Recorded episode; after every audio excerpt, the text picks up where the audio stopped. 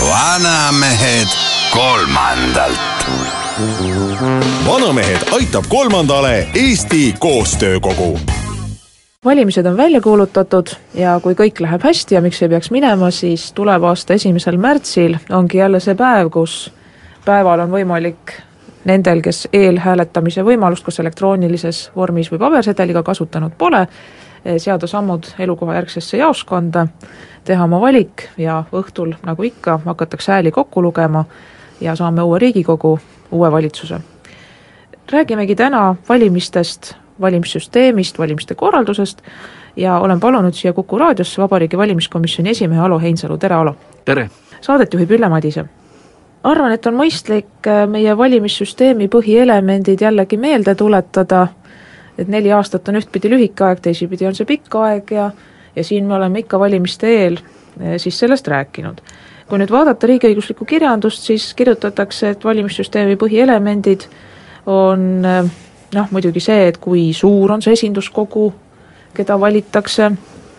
eh, kes saab esitada sinna kandidaate, kes saab hääletamisest osa võtta,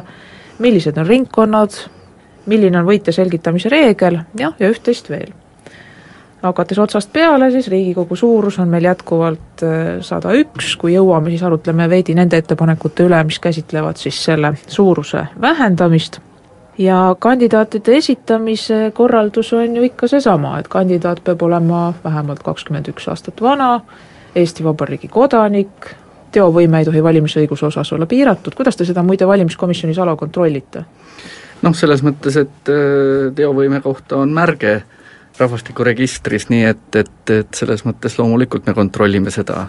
seda teovõimelisust. Et nüüd ilmselt sellele infole ei ole ei minul ega headel kuulajatel juurdepääsu, seepärast uudishimulikult küsingi kohe ära, et kui vanasti oli asi selge, et, et inimene oli teovõimetu või teovõimeline et siis praegu on võimalik, et inimesel piiratakse teovõimet mingisugustes küsimustes ja sealhulgas siis valimisõiguse osas, et kas sina oled tõesti oma silmaga näinud seda, et kellelgi on piiratud teovõimet valimisõiguse osas? noh, kuna seda teeb kohus, siis äh, otseselt ma niisugust kohtuotsust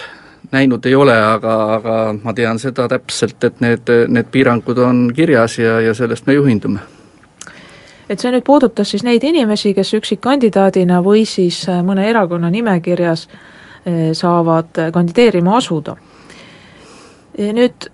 juba õige mitmetel valimistel ju väga pikalt on olnud nõnda, et valimisnimekirja saavad esitada üksnes erakonnad. Need erakonnad, kes on kantud registrisse,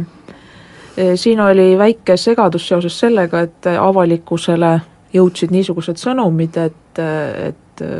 Rahva Ühtsuse Erakonna liikmed eh, kaaluvad siis eh, kandideerimist EKRE nimekirjas. et jõudis see segadus teile ka kuidagi valimiskomisjoni? Eks me ikka jälgime, mis eh, meedias kirjutatakse ja selles mõttes, selles mõttes me oleme sellest muidugi teadlikud, aga siis ma tahakski võib-olla siin natukene natukene anda ülevaadet, et millega see kandideerimine siis seekord missugust alustele see toetub. et kõigepealt siis erakonnad. Meil on siis praegult registris üksteist erakonda, see on ühe korra võrra vähem kui eh, eelmistel valimistel ja kui me siin vaatame natuke tagasi, siis kümme aastat tagasi, kui meil oli kahe tuhande kolmanda aasta Riigikogu valimised, siis meil oli üheksateist erakonda, nii et, et selles mõttes on see vähenemine olnud eh, pidev Äh, tõsi, nüüd on siin paar erakonda juurde tulnud, aga samas on neid ka ära kadunud, nii et kokkuvõttes me räägime täna, et äh, nimekirju saab esitada üksteist erakonda. Äh, teine nüüd kandideerimise selline oluline kriteerium on siis see, et erakonnad ei saa kandidaate esitada piiramatult, vaid see on piiratud arv ja see number on sada kakskümmend viis ja samuti on siin kindel reegel, kuidas seda teha saab, et äh, on aluseks võetud siis mandaatide arv ringkonnas ja sinna siis lisandub äh, arv kaks, nii et, et mandaatide arv ringkonnas pluss kaks on see äh, kandidaatide arv, mis täisnimekirja puhul igaüks vastavas ringkonnas esitada saab. nüüd kolmandaks on siis kautsjon, mis kandideerimiselt äärmiselt oluline on et kautsjon äh, on seekord siis äh, väiksem kui eelmisel korral, see on üks oluline muudatus, äh, kui me räägime nüüd valimis, valimissüsteemist tervikuna. Ja see, kui vanasti oli see kaks palga alammäära, siis see on nüüd seekord üks ja see rahanumber on siis kolmsada viiskümmend viis, ehk siis kui täisnimekiri esitada, siis see tuleb kuskil neljakümne viie tuhande euro kanti, mis siis äh, kandidaatide esitamisel ennem ära maksta tuleb et äh, kui siin vaadata natukene tagasi, siis see on enam-vähem sama suur kui kaks tuhat seitse, kus oli kaks palga alammäära, ehk siis inflatsioon on teinud meil äh, sellise töö või õieti või õieti ka ja siis ka vastavalt palgad on tõusnud, nii et et need ongi võib-olla sellised kõige olulisemad äh, kriteeriumid, millest me lähtume ja loomulikult üksikkandidaadid, ei tohi ära unustada, et üksikkandidaadid on saanud nagu, nende kandideerimine on saanud nagu uue hoo sisse, et äh, kui vahepeal oli neid siin näiteks alla kümne siin kahe tuhandendatel aastatel valimistel, siis eelmine kord mäletatavasti oli tervelt kolmkümmend neli ja kui me vaatame nüüd siin viimastele valimistele Europarlamenti, siis seal praktiliselt ju üksikkandidaatide arv kolmekordistus, vaatamata sellele, et oli hästi kõrge kautsjon, mis tuli ära maksta. et üksikkandidaatide võitjaks osutumise šansi kohta ka, et et on see muutunud? noh, selles mõttes ega meil nüüd äh, valimistulemuse selgitamise reeglid on tegelikult täpselt samad. et võib-olla käikski need ka siis ükshaaval läbi, see on tegelikult õige mõte, just. aga enne seda veel tuletan meelde, et siis Rahvakogu protsessist tõukudes, et tõepoolest vähenes kautsjon ja mõte siis oli see, et muuta inimestele kandideerimine lihtsamaks ja väiksema riskiga seotuks, et teadagi, kautsjoni saab tagasi, kui valimistel saadab kandidaati edu aga kui piisavat edu ei ole, siis seda kautsjonit ka tagasi ei saa ja võib-olla siin tuleb ka meenutada, et milleks kautsjon üldse mõeldud on, aga jah, et varem ta ikkagi väidetavalt paljudele erakondadele oli piduriks oma kandidaatide nimekirja esitamisel, sundis võtma laenu ja võib-olla inimesi ka siis oma varaga eh, siin riskima. aga nüüd see kautsjoni mõte jällegi, et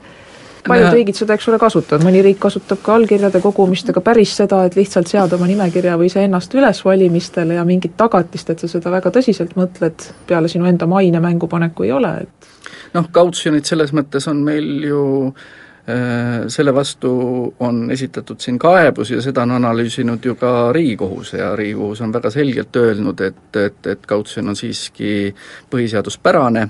ja see põhiline eesmärk ikkagi on siis selles, et et tõsta valimiste tõsiseltvõetavust ja teha ka kandideerimine selles mõttes nagu tõsiseltvõetavamaks, et et inimene ikkagi peab andma aru, et kui ta sellesse protsessi siseneb, et, et see ei ole selles mõttes nagu tehtud, tehtud selline ülepeakaela otsus no nii, aga nüüd tõepoolest süsteemi juurde, vabandust hetkelise tagasisammu pärast. Noh, meil on kaksteist valimisringkonda. jah, et meil on kaksteist valimisringkonda, see valimisringkondi muudeti meil väga aktiivselt siin üheksakümnendatel aastatel, aga ka, ka aastast kaks tuhat kolm on meil see samas, täpselt samasse piiridesse jäänud kaksteist valimisringkonda et ehk siis ühte suurt Virumaad ei ole, räägime nüüd otse asjast, et, et eks see, mida siis kaks tuhat kaks ja kahe tuhandete alguses valimisseaduses ikka selles eelnõus edasi-tagasi Riigikogus muudeti, et kas Virumaad kokku või lahku, et kas tekib üks väga-väga suur ringkond või või kaks, millest siis üks on suhteliselt väike, et siis see jah, on olnud siin praegu selles lahenduses, et jah, et Tallinnas on siis teatavasti kolm ringkonda, Tartu linn on eraldi ringkond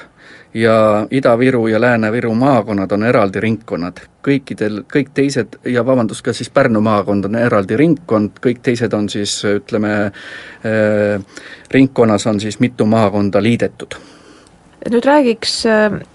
selleni, et, et kas Eesti võiks olla näiteks üks valimisringkond, ehk jõuame ka tänases saates, aga kui praegu vaatame seda, kuidas asjad hetkel on, siis äh, nüüd oleme valimistest valimistesse näinud seda, et et mandaate siis nii-öelda ääremaadelt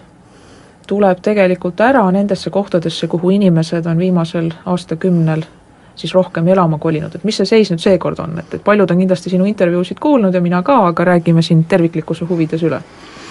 Jah, et äh, meil ühelt poolt see diapasoon on siis niimoodi, et, et kõige suurem ringkond on endiselt äh, Harju ja Raplamaa, kus on siis neliteist mandaati ja kõige väiksem on Lääne-Virumaa, kus on siis viis mandaati, et ehk siis et, sellest ringkonnast, eks ole, valitakse kindlasti neliteist inimest, et noh, alati see nii läheb, eks ole, või siis Lääne-Virumaalt viis või kuidas selle asjaga on? no see päris ikkagi nii ei ole. väga hea, sellepärast ma küsingi. jaa, et selles mõttes see päris nii ei ole, et tegelikult äh, et me peame vaatama siin seda, et, et kui meil eh, on olemas nüüd mandaadid, mis jaotatakse otse ringkonnas ja on olemas kompensatsioonimandaadid mm, -hmm. siis kaheksakümmend protsenti tõesti lähevad otse ringkondadele, aga kakskümmend protsenti mandaatidest läheb siis kompenseerimisele. ja seal selles mõttes nagu ringkond on, võib olla nagu äh, väga erinev Äh, kellele need lähevad ja selles mõttes me saame tegelikult äh, võrreldades nüüd arvutatud mandaate, mis on ju tegelikult mm -hmm. valijate arvu järgi, ja tegelikult kohti Riigikogus, mis on siis tegelikult valimistulemuse järgi, need kanati ei pruugi langeda kokku ja kui me nüüd ütleme, tahaks seda nagu ilmestada, siis alati on siis võidumehed ja on kaotajad. kui me vaatame nüüd viimaseid valimisi aastalt kaks tuhat üksteist, siis eh, tuleb välja, et kõige suuremad võidumehed ei ole mitte suured linnad,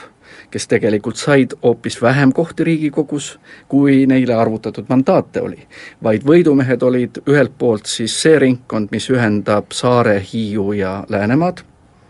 ja teiselt poolt Viljandi ja Järvamaad, kes said tegelikult äh, kaks ko-, mõlemad kaks kord kohta Riigikogus rohkem, kui neile äh, arvutatuna justkui valijate arvu järgi ette nähtud oli. ja kaotajad olid siis, kõige suurem kaotaja oli Pärnu, kus oli siis kaks korda vähem, aga nii Tallinn, kokkuvõttes kõige kolme ringkonna peale, kui ka Tartu linn tegelikult said vähem kohti Riigikogusse, kui, kui nende valijate arv seda eeldanuks. millest äh, nähtub, et äh, Eesti territooriumi äh, ringkondadeks jagamine tegelikult seda eesmärki, milleks see on mõeldud, on ka täitnud, et ehk siis Riigikogu ei koosne põhiosas tallinlastest, tartlastest või teiste suuremate linnade inimestest, kes on ehk tugevama üleriigilise tuntusega, vaid tõesti tulebki sisse siis väga hea häältesaagiga inimesi ringkondadest, aga nüüd kuulame mõne minuti reklaami.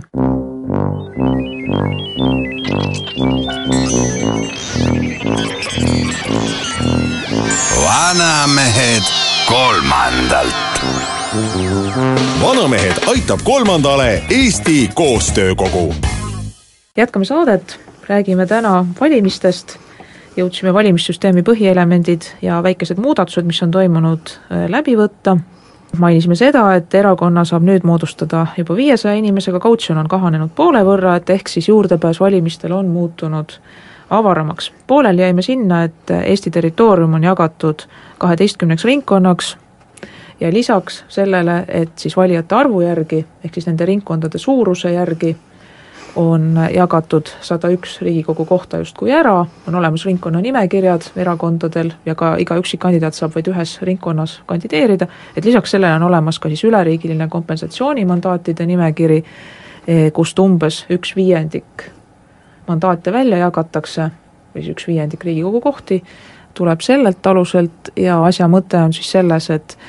et äh, erakonna üleriigiline häälteprotsent või häältesaagi protsent kogusaagist oleks võimalikult lähedases proportsioonis siis tema kohtade protsendiga Riigikogus. et niisiis äh, kõigepealt erakond esitab nimekirjad ja ta esitab valimiskomisjonile kaks nimekirja, on ringkonnanimekirjad ringkondade kaupa ja üleriigiline nimekiri. see on just nii, et, äh, et selles mõttes ringkonnas on siis Äh, nii ringkonnas kui üleriigilised nimekirjad on siis erakonna poolt pandud järjestusse ja, ja see siis ühtlasi on äh, aluseks ka, kuidas valija siis konkreetselt neid juba valimisjaoskonnas või siis elektrooniliselt hääletades näeb. et äh, ainuke, mis siis siin on, on see, et et mis järjekorras nad valimiskabiinis on, selle siis otsustab loos, et siin, kui meil varasemalt oli see, et otsustavaks sai, mis järjekorras need dokumendid valimiskomisjonile toodi. ehk siis kes jõuab enne, mis päädis mõnikord ka rüsalusega? jaa, kes SMS printsiip, siis nüüd on see vahetunud loosimisega ja noh, see muidugi tähendab ka seda, et ei oma enam nii suurt tähtsust nimekirjade esitamise kiirus, vaid seda võib jätta ka tegelikult pigem viimasele hetkele, et siis see esitamine lõpeb meil viieteistkümnendal jaanuaril ja peale seda siis me, olles kandidaadid registreerinud, me siis ka loosime selle järjekorra. Ja see siis, millega praegu erakonnad tegelevad ja millest äh, pisut informeeritakse ka avalikkust, ongi siis äh, selle otsustamine, kes on mis kohal ja millises ringkonnas siis ringkonnanimekirjas, et mitu inimest ühes ringkonnanimekirjas olla saab? no ühes ringkonnanimekirjas on mandaatide arv pluss siis kaks, nii just, et, et ja üle riigi tuleb kokku siis sada kakskümmend viis ja kõik kandideerijad, juhul kui meil läheb üks erakond välja täisnimekirjaga, et nad siis on, eks ole, mõlemas nimekirjas, et on nii ringkonnanimekirjas kui siis on selles nimekirjas, kust äh, võetakse siis selle õiglase proportsiooni saavutamiseks äh, veel täiendavad saadikud jah, et keerukas tundub, aga ei ole tegelikult. noh, tegelikult siin väga keerukat midagi ei ole, et, et see üks asi, millest me siin võib-olla vilksamisi alguses rääkisime, on just see, et üks reegel siiski on, et et teise erakonna kandidaat ei tohi tegelikult kandideerida äh, tei-, teise erakonna nimekirjas, ikkagi saab äh, erakonna nimekirjas ainult kandideerida kas erakonna liige ja siis mitteparteitu kandidaat, nii et selles mõttes äh, kui meil tuhande üheksasaja üheksakümne kaheksandal aastal otsustati, et valimisliite enam Riigikogu valimistel ei tule, siis lisati sinna kohe ka see kaitseklausel, et et valja-, keerata varjatud valimisliidud, nii et selles mõttes, selles mõttes me, kui me räägime sellest nüüd, et, et me räägime noh, ütleme tinglikult ja siin meedias on ka räägitud valimisliitudest, siis nende puhul me ikkagi saame rääkida mitteparteilistest kandidaatidest. Nad kas ei tohi, selleks, et nad saaksid kandideerida teoreetiliselt, nad peaksid oma parteist välja astuma ja seda eelnevalt juba, äh, seda, kui nad valimisdokumente täidavad. ja sinna lisati tookord, äh, kui mäletan neid arutelusid parlamendis, nagu sinagi, Alo, ja küllap ka paljud kuulajatest, et siis just arutleti, kuidas praktikas seda realiseerida, et, et sa vahetult enne valimisi noh, võib-olla ei saagi siis erakonda vahetada, sest et sinu vana erakond ei lase sind välja lihtsalt uude erakonda kandideerima minema. aga nüüd on võimalus kas või notariaalselt ikkagi see teade esitada, et et inimene on ühest erakonnast lahkunud, on asunud teise erakonna liikmeks või siis on parteitu ja saab selle tõttu siis soovitud erakonna nimekirjas kandideerida. aga jah, see olgu üle öeldud, et, et praegu on asi selge, on kaks võimalust, kas kandideerid üksikkandidaadina või siis kandideerid erakonna nimekirjas, aga sel juhul sa pead olema kas selle erakonna liige või siis ei ole ühegi erakonna liige valimiskünnis on jätkuvalt viis protsenti. jah, et viie protsendi künnis on meil et, et selles mõttes see künnise langetamine on ka olnud siin üks selline diskussiooni teema, et, et, et, et praegult seda langetatud ei ole ja noh, kui, kui nüüd vaadata seda, et missugune mõju oleks olnud ühe või teise künnise langetamisel noh, varasemate valimiste kogemuste põhjal, siis noh, muidugi tuleks öelda, et, et kui see künnis oleks näiteks langetatud nelja protsendi peale, siis ta mitte ühtedelgi valimistel mingit mõju avaldunud ei oleks. et äh, ainult ühel juhul oleks see toonud ühe erakonna sisse, kui see künnis oleks langetatud kolme protsendi peale. aga muidugi tuleb arvestada seda, et, et mida madalama seda künnist langetame, äh, see tähendab ikkagi seda, et, et siis saab sellest erakonnast sisse ainult äh, noh, ütleme kolm-neli, kui me räägime kas või kolmeprotsendilise künnise langetamisest, paremal juhul kolm või neli isikut ja noh, nende, nende võimalus Riigikogus kaasa rääkida ei ole kahtlemata nii suur, kui on suurtel erakondadel, sest Riigikogu töö ei koosne mitte ainult täiskogu saalist, vaid ka komisjonidest tööst. et, et et siin on kindlasti, me peame vaatama seda künnise langetamist nagu mitmes võtmes, et, et, et, et mitte ainult valim-, valimistulemuse seisukoha pealt ka, vaid ka ikkagi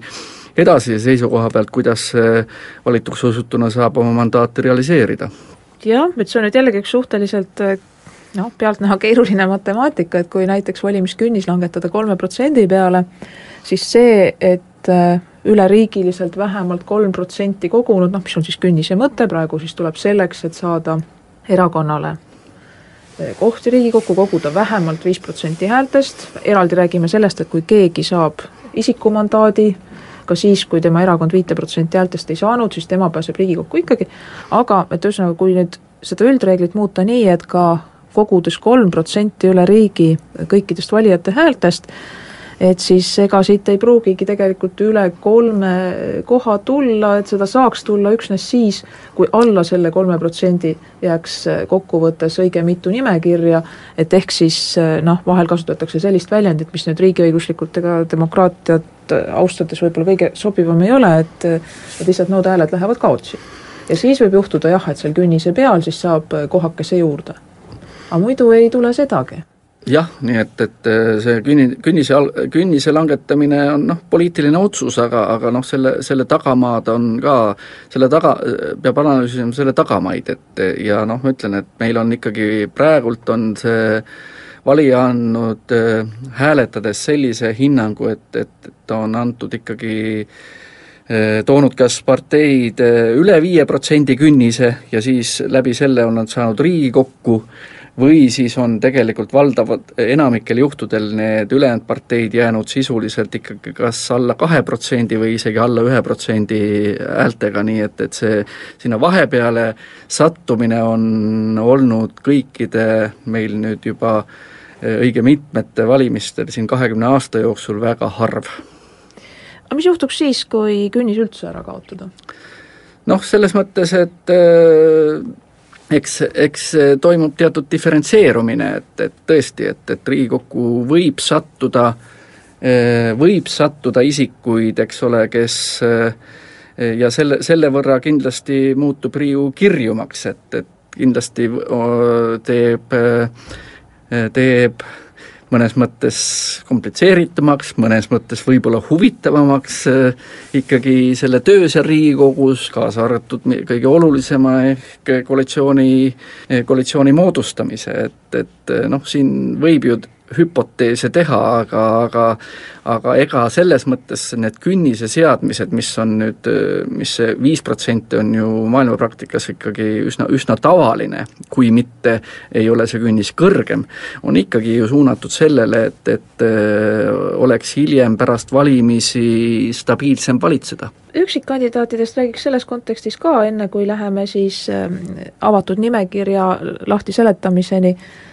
et seda on palju kurdetud, et üksikkandidaadi võimalused võrreldes erakonnaga on proportsionaalses valimissüsteemis väga väikesed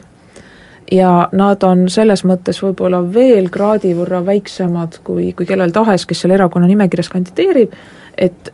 mingisugust võimalust noh, sellel üksikkandidaadil minna nüüd nimekirja vastu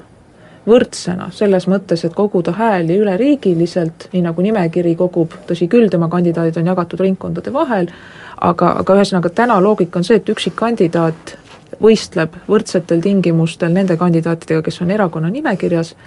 mitte ei ole tal võrdsed tingimused siis äh, erakonna nimekirjaga tervikuna. et ehk siis ta kandideerib ainult ühes ringkonnas, ta saab koguda oma hääli sealt ja tema ainuke variant on isikumandaat. jah, nii see on ja noh, selles mõttes, et eh, ega me peame endale ausalt aru andma, et et, et eh, proportsionaalsed eh, valimissüsteemid ongi ikkagi olemuslikult nimekirjade vahelised võitlused. üksikkandidaat ei ole küll nüüd mingi Eesti oma leiutis ja erand, aga ta on pigem ikkagi harv juhus kui me vaatame, vaatame neid proportsionaalsete valimissüsteemide seas. no mm, ajalooliselt tagasi vaadates oli see ilmselt teatud kompromiss, et, et kui me tulime siit üheksakümnendatest eh, ja, ja eh, selles mõttes noh, ikkagi nõukogude ajal olid tegemist selliste üksikisikute niinimetatud valimistega, siis, siis, siis selles mõttes nagu ilmselt äh, oli kogu selle süsteemi loomisel ka kiire ja see üksikkandidaat sinna sisse kirjutati, aga, aga aga põhimõtteliselt ikkagi tuleks äh, vaadata seda tervikuna, proportsionaalsed süsteemid on nimekirja valimised, kui me tahame anda äh, üksikkandidaatidele või üldse isikutele suuremat kaalu, siis see süsteem on äh, majoritaarne süsteem ja hoopis teine süsteem. ja seal ongi väga selge, et, et isik võitleb isiku vastu ühes ringkonnas ja kui me tahame seda, et, et me ta-, me ei suuda nagu otsustada, kas üks või teine, siis on loomulikult ka siin see niinimetatud kompromissi variant, et teeme siis osad majoritaarselt ja osad äh, proportsionaalselt. nii nagu Leedus. jah, nii kui Leedus. aga praegult me nagu üritame nagu sellesse proportsionaalsesse nimekirjadele põhinevasse süsteemi sisse istutada ühte niisuguse üksikisikut, mis sinna ilmselgelt ei sobigi. ja tekitab selles mõttes nagu pigem segadust, arusaamatust ja võib-olla noh, ütleme aga, aga minu arvates, minu arvates siin nagu sellist head lahendust tegelikult ei olegi ja, ja ta jääbki, praegune süsteemi, kuhu üksikkandidaadile seatud tingimused tema suhtes ebaõiglaseks, väljast vaadatuna. nojah, ilmselt üksikkandidaadi enda vaatenurgast vaadatuna niisamuti, aga eks ta nõnda ole, et ega teda üle riigi kandideerima ei saa panna, see oleks siis juba hoopis teistsugune süsteem et, et temal siis oleks võimalik kandideerida kõikides ringkondades ja siis oleks see jälle tõenäoliselt äh, ebaõiglane nende kandidaatide suhtes, kes saavad kandideerida ainult ühes ringkonnas, et kes, ja, ja seda selle tõttu, et nad kuuluvad erakonna nimekirja. jah, noh selles mõttes, et me loome hoopis teise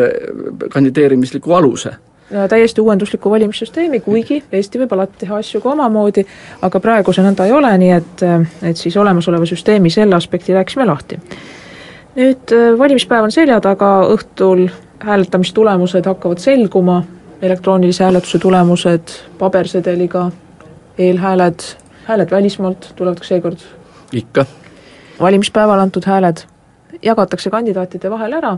et räägi nüüd järjest see lahti, et sa oled nii palju aastaid ise selles näpupidi küljes olnud, et mina ka, mitte nüüd päris viimastel aastatel, aga et ühesõnaga, võib-olla on seda huvitav teada, kuidas asi käib. sa mõtled häälte lugemist? nojah, et, et kõigepealt, kust need hääled meile kõik kokku tulevad, ja et kuidas siis kokku loetakse ja kuidas me hakkame nägema seda, mida me hakkame nägema valimispäeva õhtul? jah, et, et, et tegelikult kui me vaatame nüüd valis, valimispäeva õhtut, siis selleks ajaks on meil juba laekunud hääled välismaalt. ja välismaalt äh, antud hääled on samuti, need isikud kõik on seotud ringkonnaga. Need välismaal elavad isikud, alaliselt elavad isikud, kes on läinud Eestist nendele jääb siis viimase elukohajärgne ringkond, need, kes on alaliselt välismaal elavad, aga kes noh, selles mõttes nagu ei ole kunagi Eestis elanud, ehk siis noh, sellised välis-Eesti päritoluga isikud, eh, nemad siis saavad selle ringkonna oma juurte järgi, et kus on siis nad ise või nende eh, esivanemad ja nad on teinud kunagi selle valiku. seda muuta põhimõtteliselt ei saa. ja see on ka samuti rahvastikuregistris kirjas ja nemad peavad samuti hääletama siis selle ringkonna kandidaate. kõik need hääled laekuvad siis meile juba varem Eestisse, meie jaotame siis nad ringkonnad, ringkondade vahel laiali ja maakonna siis valimiskomisjonid, mis siis igas maakonnas, igas ringkonnas üks maakonna valimiskomisjon või siis Tallinnas ja Tartus linnakomisjon loeb need hääled ära. nüüd ülejäänud hääled ka, ka siis eelhääletamised antud hääled satuvad siis, mis on antud näiteks väljaspool elukohta, et kui Tallinnas on keegi hääletamas, aga ta tegelikult, tema elukoht on Ida-Virumaal, siis tema sedel on selleks ajaks juba rännanud siin Ida-Virumaale, sellesse jaoskonna, kus ta tegelikult oleks pidanud hääletama. ja need hääled on selles mõttes kahes, kahes ümbrikus, et, et selles mõttes tagada see salajasuse printsiip, esimesel ümbrikul on siis nimi peal, isikuandmed peal ja teine, teises ümbrikus on hääl, need omavahel siis eraldatakse ühel hetkel enne seda, kui sisemisest ümbrikust välja võetakse e-hääletuse loogika on umbes sama. jah, ja selles mõttes, selles mõttes on ka valimiste salajasus tagatud. nüüd peale kella kaheksat siis kõikides jaoskondades võetakse siis lahti valimiskast, kus on siis kodumaalt selles jaoskonnas lastud hääled ja siis need ümbrikushääled, sisemises ümbrikus hääles, kus isikuandmeid ei ole, need segatakse omavahel ja loetakse siis hääled. teine protseduur on siis elektrooniliselt antud häältega, et, et need tehakse siis ka alates kella kaheksast koheselt äh,, alustatakse nende kindlaks tegemist ja ja siis need äh, andmed saavad siis valimiste infosüsteemis ühel hetkel nagu kokku, et sinna siis äh, hakkavad siis lisa, jaoskonnas tehakse valimistulemus kindlaks, sisestatakse need andmed siis elektroonilisse protokolli, need siis laekuvad keskserverisse ja teiselt poolt laekuvad siis sinna elektroonilised antud hääled, need leiavad kõik äh, oma koha üles ja siis selle põhjal siis selgub hääletamistulemus ja süsteem rehkendab siis välja valimistulemuse. Ja noh, ütleme nii, nagu viimastel valimistel see on, on see siis, toimub nagu online'is, et, et eh, nii kuidas, nii kuidas need häälete lugemine valmis on saanud, nii need hääled ka keskserverisse jõuavad ja nii siis me kuvame neid siis ka kõik öö, eh, üldsusele nähtavaks.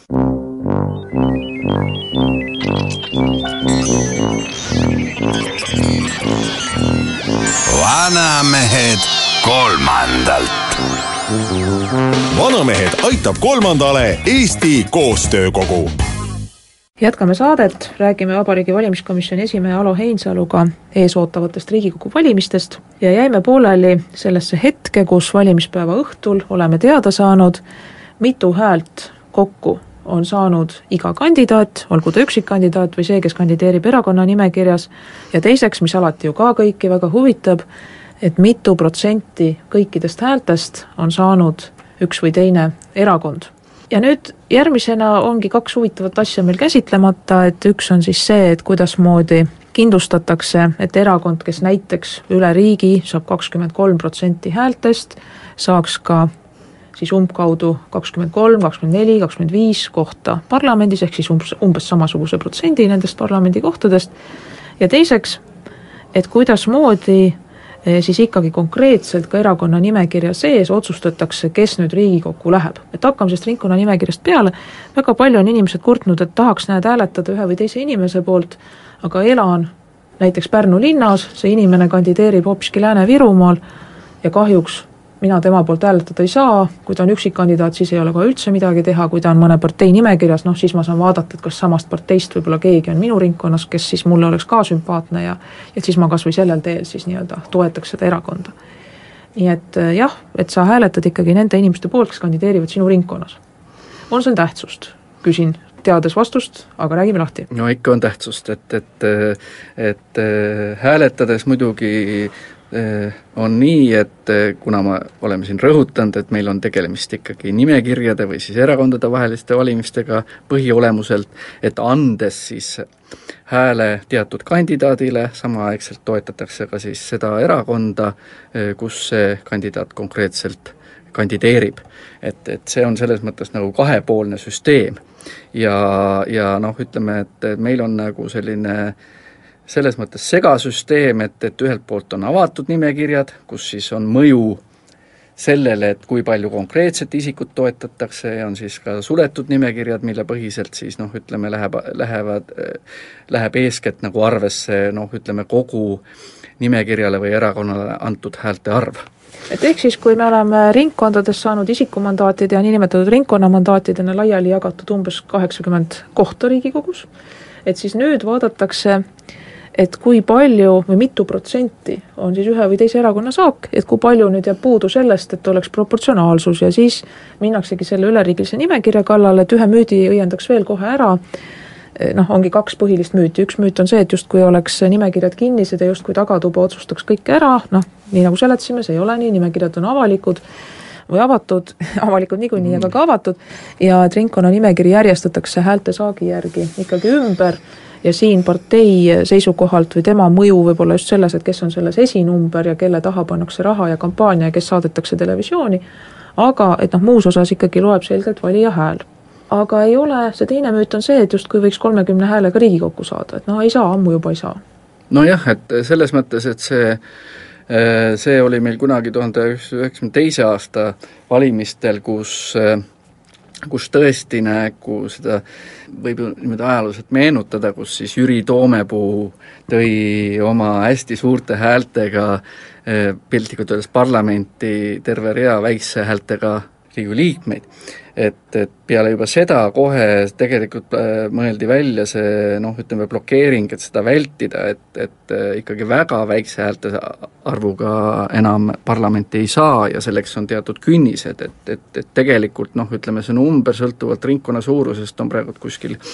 kakssada viiskümmend kuni kolmsada viiskümmend häält, mis on see miinimum mille puhul siis kompensatsioonimandaadiga ikka üldse Riigikokku saab. ja kui me räägime ringkonnanimekirjadest, eks ole, siis kus on see avatuse printsiip, seal on see künnis nelisada viiskümmend kuni kuussada viiskümmend häält, et, et, et, et see on veelgi kõrgem. Et, et noh, et teatud, teatud reeglid, et seda tõkestada, on Riigikogu ammuilma tegelikult välja mõelnud jah, aga eks sellised müüdid kipuvad edasi elama, nii et eks ajab ju meid alati ka pisut kurvaks, kui keegi räägib jälle häälte ülekandumisest ja siis ikka jälle seletad, et häälte ülekandumine oli viimase ülemnõukogu valimisel ja hiljem pole olnud. et äh, eks ta nõnda ole. siit on nüüd hea üle minna just selle küsimuse juurde, et, et miks siis ikkagi üks ühemaaline ringkond ei või olla, noh mainisime seda, et, et põhimõtteliselt selle ringkondadeks jagunemise tõttu on erakonnad sunnitud erinevatele Eesti piirkondadele pakkuma erinevaid lahendusi, seal käima oma kandidaatidega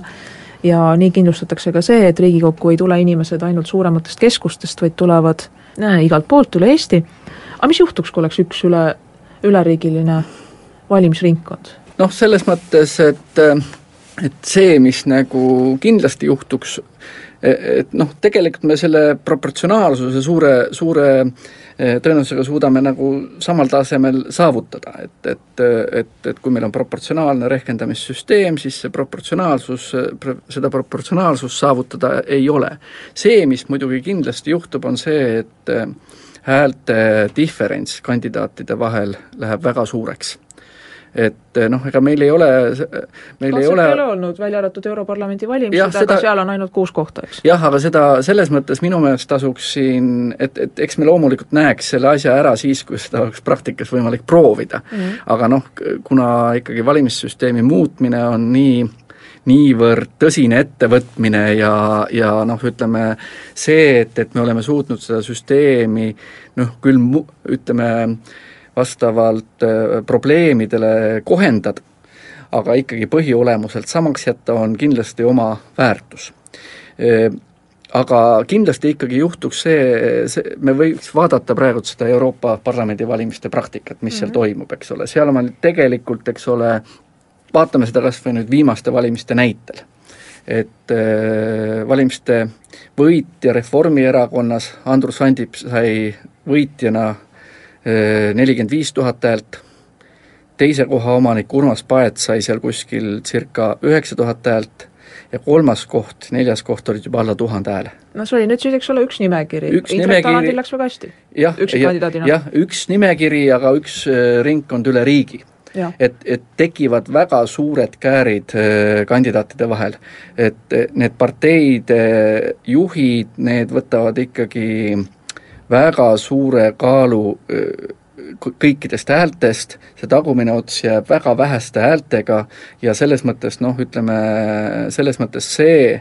et, et noh, kui me praegult nagu on meil selline etteheide, et, et noh, osad Riigikogu liikmed on ikkagi vähese häälte arvuga, siis see kindlasti võimendub see kindlasti võimendub ja rõhuv osa kandidaate ongi võrreldes nende tippudega väga väikeste häälte arvuga. see on kindlasti see, mis juhtub ja ilmselt siis oleks ka üsna raske ette ennustada ja võib-olla tekiks ka kohe kriitika, et et siis need Riigikogu kohad, mis ei võeta liidrite poolt ära väga suurte saakidega, et siis nende jaotus justkui, keegi võiks öelda, et oleks justkui pisut juhuslik või etteennustamatu, sellepärast et seal tõepoolest need häälte arvud oleks ilmselt suhteliselt väikesed või hüppeliselt väiksemad kui liidritel ja samal ajal võivad mingid väga väikesed, isegi paari paarihäälelised vahed juba otsustada, et kas saad sisse või ei saa sisse ja seda siis väga paljude inimeste puhul, nii et et tõenäoliselt seal tekiks kohe teistsugune kriitika. ja üks aspekt, mida on võib-olla ka vähem vaadeldud, on see, et et kui erakondade liidrid, üks või kaks erakonna liidrit, kes on üleriigiliselt väga tuntud, noh, võib-olla mõnes erakonnas on neid ka kolm või neli, võtavad tohutult suure häältesaagi, siis umbes pooled nendest lähevad valitsusse tulevad asemele asendusliikmed ja tegelikult on seesama kriitika platsis, et, et inimene, kes kogus kaheksakümmend tuhat häält, eks ole, et tema nüüd on hoopiski see või teine minister, ja selle koha võtab sisse keegi, kes on saanud näiteks noh, viissada häält. ma, ma usun, et, et ma usun, et, et sellisel puhul kindlasti isegi vähem et me, me, me, me hakkame seal rääkima sajast ja kahesajast häälest. no ma kardan ise sedasama, et lõpuks ongi niimoodi, et, et on keegi saanud sada tuhat häält või võib-olla seal ütleme seal kuskil grupis, et kaheksakümmend mm. kuni sada tuhat häält on kuus inimest ja, ja, ja siis ülejäänute vahel on jagatud väga väike hulk hääli, sest kokku on neid hääli meil üleüldse seal kuskil, noh no, jääb, on seitsesada tuhat. no ei, ei me, nii paljut ei tule. no ütleme niimoodi, et kui me, me räägime ikkagi kuskil viissada tuhat pluss häält, mis no, on tegelikult, mis on tegelikult mängus, eks ole, et, et kui meil on siin, kui me on peale üheksasada tuhat on valijate arv ja meil osalusprotsent on seal kuuekümne ringis, noh mm -hmm. ütleme siis me saamegi seda lihtsalt, et see on kuskil viiesaja, viiesaja viiekümne tuhande hääle vahel, et mida me, millest me tegelikult räägime ja kui me siin juba hüpoteetiliselt äh, räägime kellelegi sada tuhat häält, siis äh, ja, ja noh, ütleme, et, et siis, siis, siis see tegelikult mä-, ülejäänutele noh, tegelikult reaalne häälte arv väheneb ikkagi väga väga hüppeliselt. jah, üks asi, mida pole ka puudutanud, nüüd on meil täpselt kaks ja pool minutit aega, on see nii-öelda valge sedel. et ehk siis kõikidel valimistel me näeme ka seda, et üks osa sedelitest on kehtetud ja siin on ka üks pisikene müüdikene, et justkui kõik kehtetud sedelid oleksid kehtetud selle tõttu, et inimene soovib lihtsalt protestida, et valimistest osa võtta, aga protestida, et ehk siis ütleb, et ta on kõigi vastu, võib-olla kellegi poolt või kirjutab mõne luuletuse või väikse novelli, mida ka juhtub, aga tegelikult neid põhjuseid on palju alates sellest, et inimene kirjutab numbri niiviisi, et ei ole üheselt selge, millist kandidaati on ta silmas pidanud, eh, kuni eh, ka selleni, et inimene ikkagi otsustab, et ta kirjutab selle kandidaadi numbri, kes temale meeldib, aga tema ringkonnas ei kandideeri, jälle sedel kehtetu, on olnud ka neid juhtumeid, kus jaoskonnakomisjoni töötaja on unustanud pitsati jäljendi mm, sedelile panna või on inimene suutnud oma sedeli nii ruttu kasti lasta, et seda jäljendit pole sinna läinud, jälle sedel kehtetu, nii et neid põhjuseid on õige erinevaid aga nüüd viimasel minutil, et hüpoteetiliselt, et noh, et mis juhtuks ja kas see on probleem, et meil kehtetud sedelit pole, et ma siin ka just ühe üliõpilasega arutasin seda. noh, kehtetud sedelid meil on kuskil no, viis kehtetuid viis... on, eks ole, aga ja. et ei ole seda valge sedeli võimalust või noh, et kõigi vastu. kõigi vastu. noh, see on selles mõttes ka selles mõttes ka, aga, aga minu hinnangul on ikkagi see, et, et kui valija juba, kui valija juba läheb hääletama siis, siis ta peaks ikkagi tegema, tema, tegema oma otsuse, talle on antud üks valik. Ja see valik on konkreetsete kandidaatide vahel, eks ole, et, et mina ei leia, et, et, et see valimine, valimine läbi hääletamisprotseduuri peaks olema siis üks selline protesti avaldamise vorm, eks ole, et, et no ta võib jah, rikkuda selle sedeli ja sellega avaldada, aga aga minu meelest see on väga kaalukas otsus minna ja anda neljaks aastaks omalt poolt häält kellegi poolt, kes langetaks väga olulisi otsuseid. ja minu meelest ei ole siin see koht, kus, kus noh, ütleme niimoodi, et selle demokraatiaga piltlikult öeldes nagu mängida, et, et, et, et siin, siin on ikkagi tegemist tõsise asjaga nojah, eks siis tekiks ka kampaania, kus kutsutakse üles, et minge küll osalema, aga olge kõikide pool, kõikide vastu ja noh, eks ilmselt pisut täiskasvalik, täiskasvanulikum on tavaliselt pigem püüda olla millegi või kellegi poolt. E, viimasel kahekümnel sekundil saab küsida seda, et et millal võib oodata siis valimistulemust, ehk siis me teame nüüd täpselt ja lõplikult, kes on Riigikogu liikmed ja millal on oodata uue valitsuse ametisse astumist. see sõltub ju kaebuste lahendamisest. jah, noh, praegult on siis nii, et ikkagi keskööks oleme me saanud rõhuva osa nendest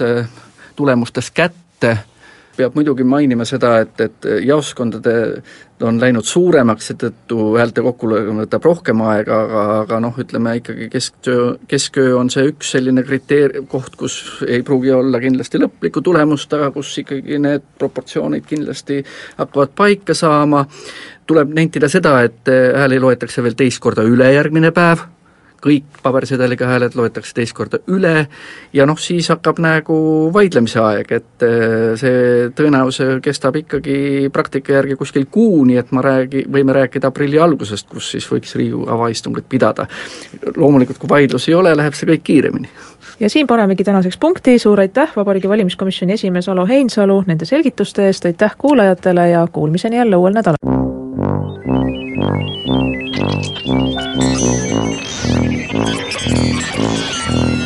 vanamehed kolmandalt. vanamehed aitab kolmandale Eesti Koostöökogu